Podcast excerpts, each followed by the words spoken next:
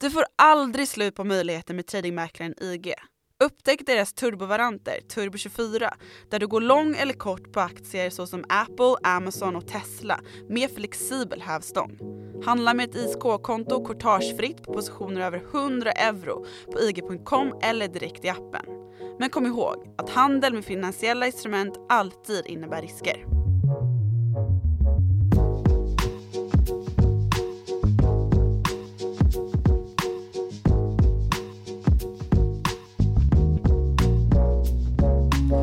Den svenska oljeindustrins mäktigaste man åtalas för medhjälp till ett folkrättsbrott med tusentals dödsoffer mitt i ett Afrika sönderslitet i råvaruförbannelsens mörker. Rubriken är i det närmaste som hämtad från en slutscen författad om Jan Guillous spionhjälte Carl Hamilton men nu har den långa utredningen hos den internationella åklagarkammaren nått i mål och den 11 november väcktes åtalet mot Ian Lundin rockstjärnan i den gigantiska Lundinsfären och ordförande i Lundin Energy. Åtalet är unikt och följer efter årtionden av affärer i högriskområden som gjort familjen Lundin ofantligt rik men också omåttligt kontroversiell.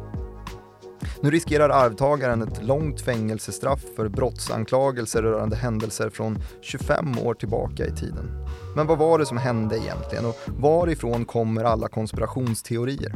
Det ska vi försöka reda ut i det här extrainsatta avsnittet av Follow the Money som ju är en podcast om makt, storfinans och börsen. Och med vi menar vi mig, programledare Martin Nilsson och utrikesredaktör Joakim Rönning som jag börjar med att fråga, vad var din reaktion på åtalsbeslutet? Lite, jag vet inte, förvånad eh, kanske.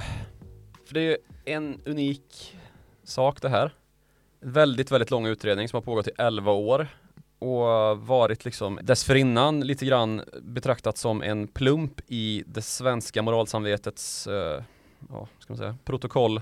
Mm. För att då det här har ju varit en eh, ganska så stor sak i och med olika mer eller mindre konspiratoriska vinklingar på diverse statsmän och mm, det kan man väl förstå utomlands framförallt att det är ju ingen smal sak att en före detta statsminister, då pratar vi om Carl Bildt, har en styrelsepost i ett bolag som anklagas då för att ha begått folkrättsbrott eller medhjälp till sådant i alla fall.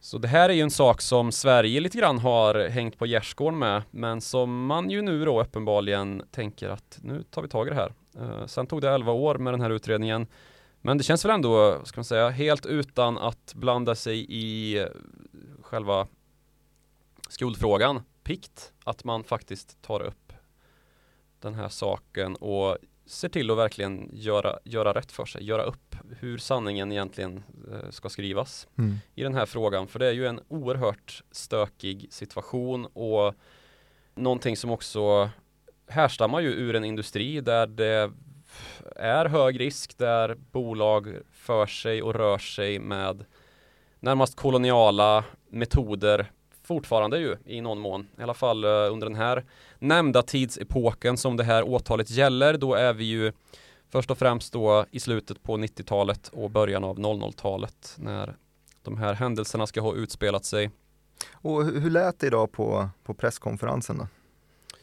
Um, jag var inte där.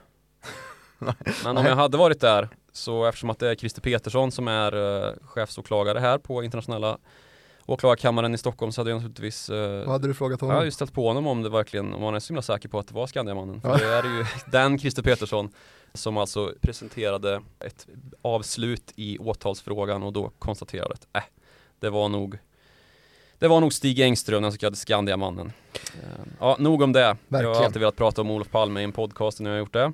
Mm. Vi, kan, vi får väl gå tillbaka till vad, vad Lundin-familjen är för någonting. Ja, vi vill mm. jättegärna att du får rita upp ett släktträd här så vi Ja, men det gör vi ju så gärna. Adolf H Lundin heter grundaren av Lundinsfären. Mm. Och det kan man ju skoja om, att han heter Adolf H Lundin. Mm. Särskilt som man har eh, stupade nazistsoldater i sin släkt. Eh, mammans bror, mamman som är född i Odessa i Ukraina eh, i en tyskspråkig familj, hade en bror som sen kom att stupa i under ockupationen av Norge. Uh, ingen guilt by association därigenom naturligtvis. Och H i Adolf H Lundin står för Henrik, så nog om det. Mm. Men det här är ju en familj då som hamnade i Sverige och som är av anor. Adolf Lundins fru är född som Eva Wetje. Och Wetje vet vi ju är en familj som kontrollerade Skånska Cement. Och vad heter det bolaget idag? Du som är bra på eh, näringslivshistoria. Mm. Det här är nog det enda jag kommer kunna i hela det här avsnittet känns som, men det är väl Skanska? Ja, det är helt korrekt. Skanska, byggbolaget, är då det bolag som, som eh, formas ur Skånska Cement. Och det är alltså Evas familj som är huvudägare för, för Skanska back in the day då. Evas syster, alltså Adolfs svägerska, hon heter Olga och hon är i sin tur gift med en Mark som heter Wallenberg i efternamn. Det här är alltså Marcus Wallenbergs föräldrar vi pratar om. Då är det den Marcus som idag är ordförande i SCB och som tidigare var vd i Investor. Kusin till Jakob Wallenberg som ju är Investors maktman idag. Systrarna Wetjes pappa heter i sin tur Walter och han är ju också naturligtvis en mäktig herre som vd för Atlas Diesel under 40 och 50-talet. Mm. Och han var också styrelseledamot i SCB och sedermera vd för Investor han också. Och ska man säga Atlas Diesel, det är ju Atlas Copco idag.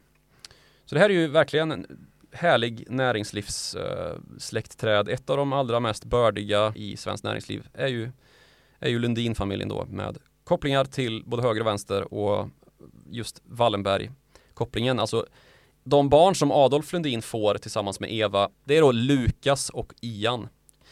Och de är ju då kusiner med Marcus Wallenberg. Mm. Adolf H Lundin, han siktar in sig på råvarubranschen och det gör man ju ofta i råvarubranschen med affärer i högriskområden. Och han gjorde sig då ofantligt rik på väldigt hårt arbete, nedlagt i det imperium som, som han kommer att bygga upp här och därefter lämna över till sina söner. Och ska man göra affärer i högriskområden så måste man ju göra det med hjälp av diktaturer och i krigshärjade regioner ungefär. Det finns ju en ganska pågående kritik mot oljebranschen i form av klimat, men det här är ju någonting som tidigare fanns framförallt mot andra frågor och då handlar det ju kanske om det koloniala förflutna som, som man har tvingats in i om man ska göra affärer i råvaruindustrier eftersom att många av de länder där det finns som mest råvaror är diktaturer. Mm. Och då innebär det ju i praktiken att bolagen som är i den här industrin, ofta västerländska, köper in sig på ensamrätt på resurser och då för att pressa upp attraktionskraften på de här resurserna så lovar politiker i diktaturerna och deras myndigheter att ja, men vi kommer bereda väg för den som köper våra tillgångar och i både metaforisk och faktisk mening just bereda väg. Och det innebär ju att man måste flytta på de som är i vägen. Och det är precis vad det här åtalet nu kommer att handla om. Okej, så att bolaget då som, som grundas av Adolf H Lundin och sen då som leds av, av sönerna Ian och Lukas nämnde du. Adolf Lundin gick bort 2006 och Ian har väl varit ordförande i Lundin Energy, tidigare Lundin Petroleum och dessförinnan Lundin Oil, en hel del namnbyten här.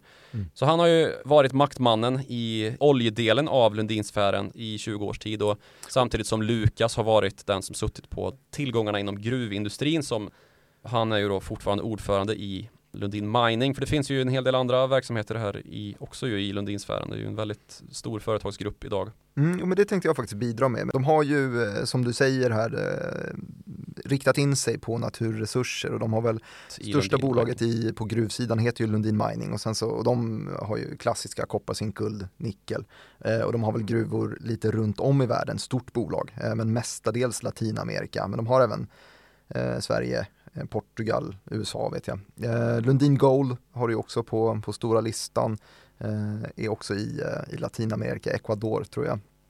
Sen så har vi ett par bolag som också ingår i den här sfären som också pass, eh, passar på att hålla på med gruvdrift.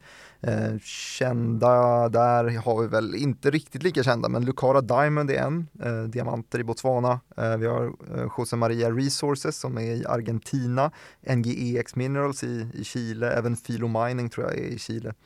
Eh, och eh, Bluestone Resources som jag helt eh, sonika kollade upp på hemsidan för jag känner inte till dem så pass bra men det är också Latinamerika, tror jag. Det är mining-sidan. Oljesidan är väl lite mer känd får man säga, i all, alla fall sett till antalet aktieägare. Lundin Energy har du ju nämnt, bytte namn från Lupe här i början av 2020. Lundin Petroleum hette de ju då. De utvinner ju då olja från eh, olika fält utanför Norge är väl de största fyndigheterna, Sverdrupfältet och precis. Grig. Heter väl Edvard Grieg och Johan Sverdrup, ja precis. Just det. Eh, och sen så har vi också de här eh, Africa Oil som är eh, utanför Kenya, Nigeria tror jag, och Africa Energy som är något exploration offshore eh, bolag som också är anknutet eh, länder kring Afrika också, men Namibia, Sydafrika bland annat. Och så har vi IPCO, också känt, i Kanada, Malaysia, Frankrike är de operativa. International Petroleum Corporation. Ja, det, det är ticken som är IPCO, så det är därför man säger så.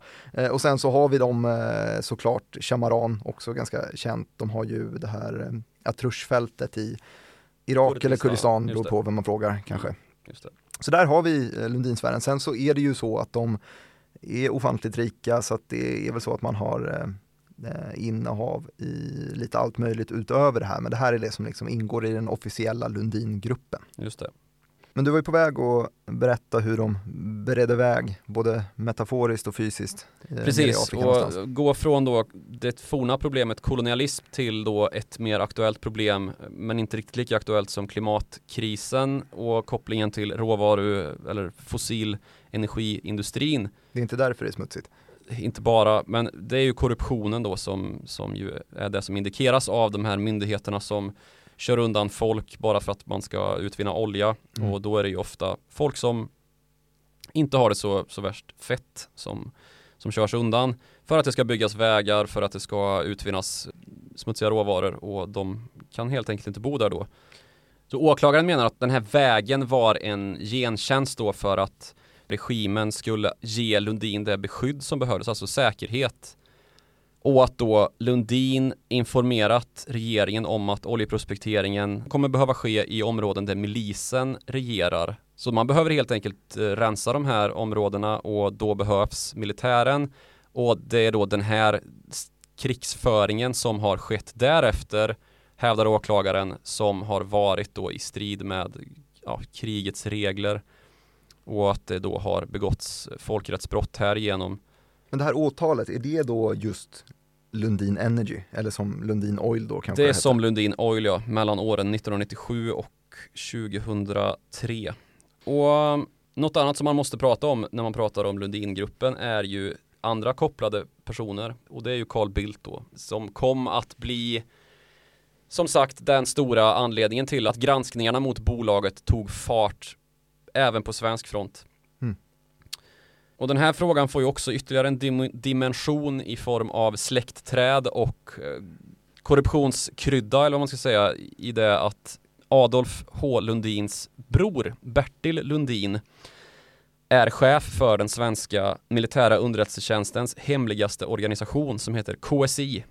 KSI står då för Kontoret för särskild inhämtning och är det hemligaste vi har i det här landet. Idag så vet vi inte vem Bertil Lundins arvtagare är, för den personen är så hemlig att ja, ingen förutom typ den absolut högsta militärledningen och statsministern vet vem vederbörande är liksom övriga som jobbar på KSI. Och här är ju då motsvarigheten till Hamilton just, det var ju lustigt att den smög sig in i introt, för Hamilton är ju en agent som jobbar för motsvarigheten till KSI då i en tidigare version.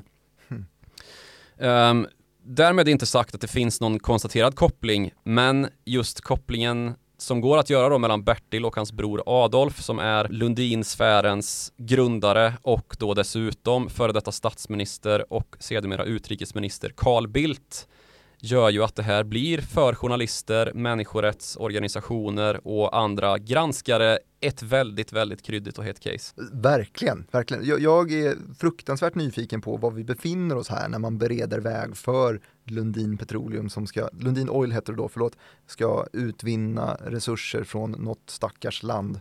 Ja men till att börja med, de, de första liksom rapporterna om Lundinsfären och eventuella människorättsproblem, de kommer redan 1984 i form av då att det riktas uppmärksamhet från olika håll om att Lundin bryter guld i Sydafrika trots att det då pågår en FN-bojkott mot apartheidregimen som eh, förtrycker svarta i, i Sydafrika.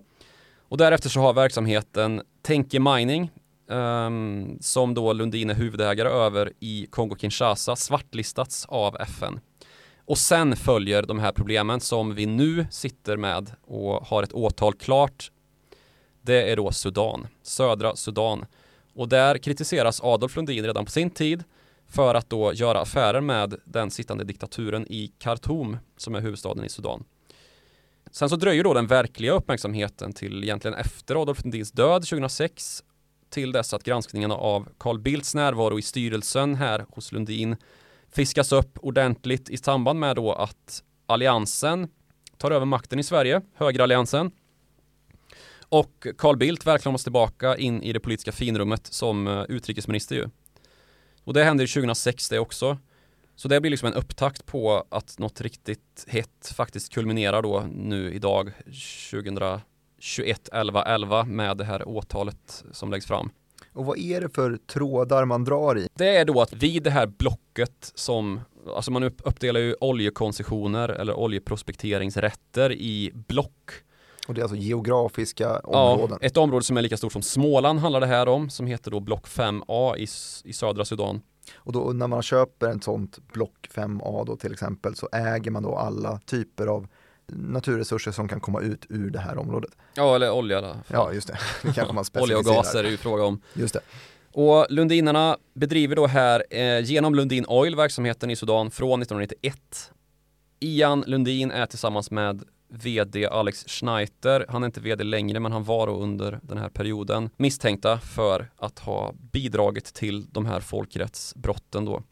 Men du, vad, vad är, om vi skulle definiera folkrättsbrott, vad är det som ingår där? Ja, vi, kan, vi kan väl beskriva det så här istället att Sudan vid tecknandet av det här avtalet om exploatering, block 5A, mitt i ett väldigt blodigt inbördeskrig där civilbefolkning i södra landet utsattes för förföljelse och togs som slavar, inte sällan för att jobba just för, inte för bolagen direkt kanske, men för att liksom möjliggöra eh, exploateringen. Och det här är ju en konflikt som har lett till då att det här landet är ju inte ett längre utan det är ju Sudan och Sydsudan idag. En etnisk konflikt som har lett till att man har splittrat upp landet då. Och på den här tiden när Lundin ger sig in här så styrs södra Sudan av en milisledare som har brutit sig loss ur en rebellgrupp och lierat sig då med sittande Khartoum-presidenten Omar al-Bashir som vältes från makten för bara några år sedan i ganska, under ganska uppmärksammade förhållanden. Och han var ju då diktator i Sudan. Och det de här herrarna, alltså milisledaren och eh, diktatorn åstadkom var då att fördriva lokalbefolkningar för att bereda plats åt oljebolagen. Och en rapport som publicerades av en organisation som heter Christian Aid under 2001 blev liksom startskottet på debatten om Lundin och deras verksamhet i södra Sudan. Och här kommer en stämningsansökan att lämnas in mot påstådda folkrättsbrott då. Det här fallet leder ingen vart, utan, eller leder ingen vart, det är också en lång härva som, som utreds och fallet kommer sen att läggas ner först 2009 och sen så läggs det även ner. Det ges inte prövningstillstånd av högsta domstolen så hela saken liksom har lagts till handlingarna under 2010-2011 någonting. Och sen kommer, kommer den här affären att rulla vidare då i form av journalister och människorättsorganisationer då som utreder saken. Och en journalist som jag vill lyfta fram är då Kerstin Lundell som skriver en bok som heter Affärer i blod och olja. Och den kommer ju helt att centrera då kring Lundins verksamhet i Sudan. Och hon hävdar ju indirekt i alla fall att bolaget gjort sig skyldigt till delaktighet i brott mot folkrätt med mord och nedbrända byar. Sen så är ju det här en väldigt komplex situation och hon når väl inte riktigt i mål med att hitta bevis för att det verkligen är så som, som många hävdar att Lundin har de facto vetat om hur det ligger till och agerat i berått mod eller vad man ska säga när man har bidragit till det här med byar som bränns ner och grupper som ställs mot varandra i en som sagt komplex situation och lokalbefolkning som har det eländigt och väldigt fattigt utsätts för svår svält och törst och fördrivs helt enkelt.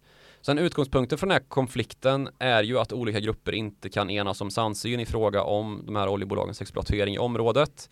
Och avseende Lundin så är frågan hur den här konflikten spets på av deras närvaro då och det beskydd som bolaget fick från Sudanregimen för att de skulle kunna ha verksamhet här och hur de här allierade rebellgrupperna agerade mot lokalbefolkningen.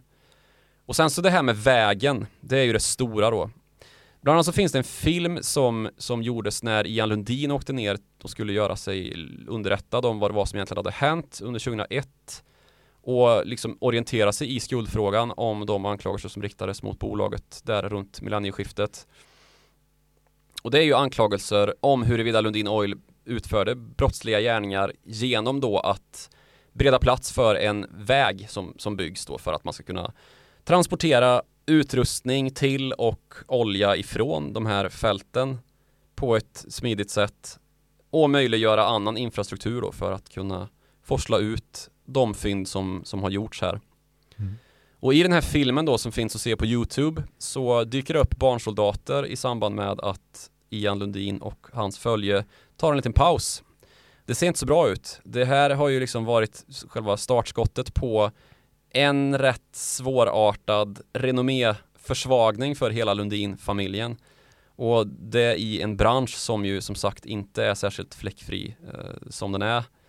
För det här var ju då barnsoldater som bevakar oljefält kan man väl sluta sig till. Mm. Sen om det är Lundins eller någon annans oljefält det ska vi väl kanske låta vara osagt men det ser ju verkligen inte bra ut i alla fall oavsett eh, om Ian säger att som han gör jag har barn i den här åldern själv och blir ju bestört när jag ser barn med höghastighetsvapen stå här men det är ju en fullständigt absurd scen som filmas där. Mm. Okej, okay, vi har en väg som byggs, vi har en Ian Lundin som fotas tillsammans med, med barnsoldater och vi har eh, affärer i ett i övrigt eh, krigsdrabbat område. Är det, är det det som är hela storyn här?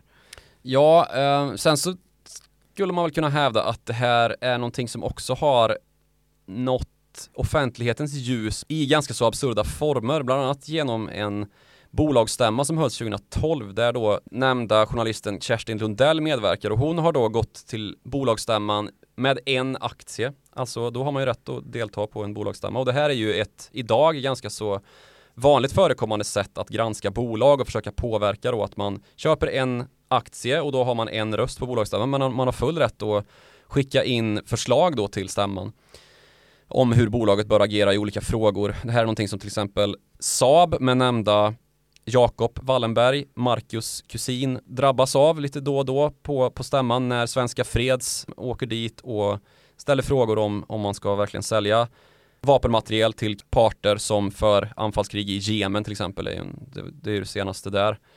Men Lundin har, liksom Saab kan man väl säga, en väldigt, väldigt lojal aktieägarskara och det har urartat då på bolagsstämmor genom åren, framförallt nämnda 2012 där kritik bemöttes med burop och hånfulla körer av olika slag. Och då efter att Folksam, som ju är ett fondbolag som äger en, ägde då i alla fall, jag vet inte hur det ser ut idag, en stor post i, i Lundin, lyfte den här saken då med både Sudan men också framförallt då Etiopien så blev det just den här reaktionen att eh, Hockeyomklädningsrum? Ja men precis, hockeyomklädningsrum, burop och hånfulla, hånfulla kommentarer från övriga deltagare på stämman. Och då gjorde Kerstin Lundell slag i saken och det är alltså hon som har skrivit boken om Lundinarnas affärer i Afrika. Och sa att det här är ingenting som ni bör försöka tysta ner utan det här är ju faktum att både FN och läckta dokument från amerikanska regeringen har innehållit komplementerande uppgifter komprometterande för Lundin Oil alltså. Och då bemöttes hon med att Ian helt enkelt tystade henne. Han sa du får inte prata mer. Och det fick han ju ångra sen mm. på grund av då hur aktieägarstämmor ska ske i Sverige och dessutom utifrån ja, men rena yttrandefrihetsskäl att så kan ju inte en liksom, bolagsordförande agera mot en ägare oavsett om den äger en röst eller mer än halva bolaget. Nej. Och dessutom så är Kerstin Lundell, visst, hon har ju förvisso av den här lojala ägarskaran, småsparare, kallats för en, en aktivist snarare än en journalist men hon har också belönats med Guldspaden för just det här grävande verket som, som hon eh, åstadkom då efter att ha granskat och skrivit affärer i blod och olja Lundin Petroleum i Afrika. Mm. Du, du, nämnde Etiopien här i bara förbifarten, vad var det som hände där? Uh, ja, det är ju då ett annat fält som man har köpt där nere och det är via Africa Oil som ju är ett annat av de här bolagen i sfären. Och det är då ett fält i Ogaden som det heter. Och det är väl mest känt för en annan journalist som heter Martin Schibbye och hans fotograf Johan Persson. Det känner vi ju alla till, den långa fängelsehärvan som, som rådde där nere när Chibi och Persson greps för att då ha rest in i den här regionen som inte direkt var journalistvälkomnande. Och när man gjorde det, alltså reste in, så gjorde man det med en, en milisgrupp och anklagades då för att ha begått terrorhandlingar. Men anledningen till att man reste in var ju just att granska Lundins verksamhet i Ogaden. Så här finns det ju också en beröringspunkt till då med en rättsröta och diktaturfasoner, skenrättegång och, och fängslanden. Mm. Men du, vad är det egentligen som, eh, som Ian åtalas för nu då i punkterna? Det han åtalas för är medhjälp till folkrättsbrott, grovt sådant under perioden maj 99 till mars 2003 och den andra under perioden oktober 2000 till mars 2003. Och det är då ett folkrättsbrott som består i att regimallierade milisgrupper genomfört offensiva militära operationer i det nämnda området då för att ta kontroll över den här regionen som Lundin Oil ska utföra oljeprospektering på. Och det har lett till då stridigheter som pågått tills dess att Lundin Oil lämnade området under 2003 då. Blandar man in någonting Etiopien där också eller snackar vi bara Sudan här? Nej, det här är bara Sudan. Och den här saken blir ytterligare svårare då av att, som sagt, en väldigt lång utredning. Anledningen till att den är så lång är ju att det har varit svårt att resa in i Sudan och plocka upp vittnesmål eftersom att det har pågått ett krig där som kulminerade då med dels att Sudan blev två länder, Sydsudan och Sudan och därefter då att eh, Omar al-Bashir blev störtad från makten eh, för ett par år sedan här Ian också valde väl idag då att inte ställa upp för omval i alla fall till Precis, det här är ju nu en process som väntar i ett helt unikt eh, rättsfall med en helt, ett helt unikt åtalsupplägg och där både hans personliga advokat och, och Lundinsfärens advokat ju hävdar att det här är en absurd process och det säger sig ju självt att det här kommer ta mycket tid och energi och det har det redan gjort under alltså, alltså nästan en 20-årsperiod ju när det här har varit en, eh, en uppmärksammad sak som de har behövt kommunicera kring. Det kommer ju fortsätta ta väldigt mycket energi och tid från, från Ian Lundin och då är det väl bättre att någon annan kliver in då. Och det här får ju, eh, ska vi ju säga, inte jättestort påslag på aktiekursen. Den faller ju idag. Eh, jag tror att den som, som mest innan vi gick in här i poddstudion så var eh, Lundin Energy ner typ 5%. Mm, och då ska man säga att innan åtalsbeslutet kom så var den ner med typ 3,5% på grund av en, eh, jag vet inte om det var rekommendationssänkning tror jag. Så det var redan ner sedan innan. Ja. Så, så, det finns vissa krafter som trycker ner och det går väl ganska lätt att förstå att om man plötsligt tappar ordföranden i ett bolag så blir det ju stökigt såklart. Man måste leta upp en ny som kan staka ut bolagets riktning på något sätt och sen så antar jag väl att det kanske finns någon form av risk för böter som ska prisas in i aktiekursen också. Ja, det finns det. det. Men jag ser ju också att det var ju inga rörelser på övriga bolag i Lundinsfären, så det var ju ingen ingen risk där utan det här Nej är det här rör ju Lundin Energy, alltså tidigare Lundin Oil då och det belopp som nämns i eh, pressmeddelandet är 1,4 miljarder då i intäkter som Lundin Oil har fått genom att ha sålt bolaget vidare till Petronas var det väl ett malaysiskt bolag som tog över. Så nu står vi då inför någon form av extremt lång rättsprocess. Jag såg att det stod att man räknar med åtminstone ett och ett halvt år bara i pressmeddelandet. Som, mm, jag tycker nästan det låter lågt, men ja. men det brukar ju ofta bli så att det ja. förlängs, det känns ju så i alla fall. Men det här är ju ett bolag som handlas extremt mycket, det är stort, bara Lundin Energy och övriga sfären är också extremt stor. Det här är ju det som, ja men när Evolution kom in i OMXS30 här för bara något år sedan så eh, Eh, stod ni och tampades med om det kanske skulle vara Lundin Energy som skulle ersätta SSAB när de åkte ut. Så det är ett bolag som har knackat på att få vara med på den absolut mest handlade listan på Stockholmsbörsen, det som är själva index i, i, i ganska lång tid. Eh, ett stort bolag och då resten av sfären som är gigantisk. Så de är där uppe bland de stora men nu är, väl, är det väl någon form av fortsättning följer medan det här åtalet då eh, pågår och så får vi väl matas ut med information så länge det går och så får vi se om intresset för Lundin eh, förändras på något sätt eller Ja. om handeln fortsätter precis som det Precis, alltid och brukar göra. det, samtidigt så är ju det här en sektor som har för vana att vara involverad i krångliga processer. Dels som sagt genom dess hela historia så har det varit först då det koloniala förtrycket och därefter ett allmänt krångel med att det är så korrupt och därefter då klimatproblematiken och nu har ju Lundin i alla fall tagit tag i att bli ett grönt upstreamsbolag och upstreams det är ju då hur man utvinner energin och att man ska producera grön olja och ja, man bytte ju just namn till Lundin Energy för att signalera någonting annat än petroleum som man ju vet är så smutsigt och koldioxid intensivt och klimatfarligt. Men där är Det de kan man ju också, kalla greenwashing eh, per definition nästan. Det kan man ju, men de är ju också antagligen best in class vad, vad gäller just det. Låg kostnad på att plocka upp det ur marken och till ganska eh, miljöhållbara sätt, relativt sett. Absolut en greenwashare.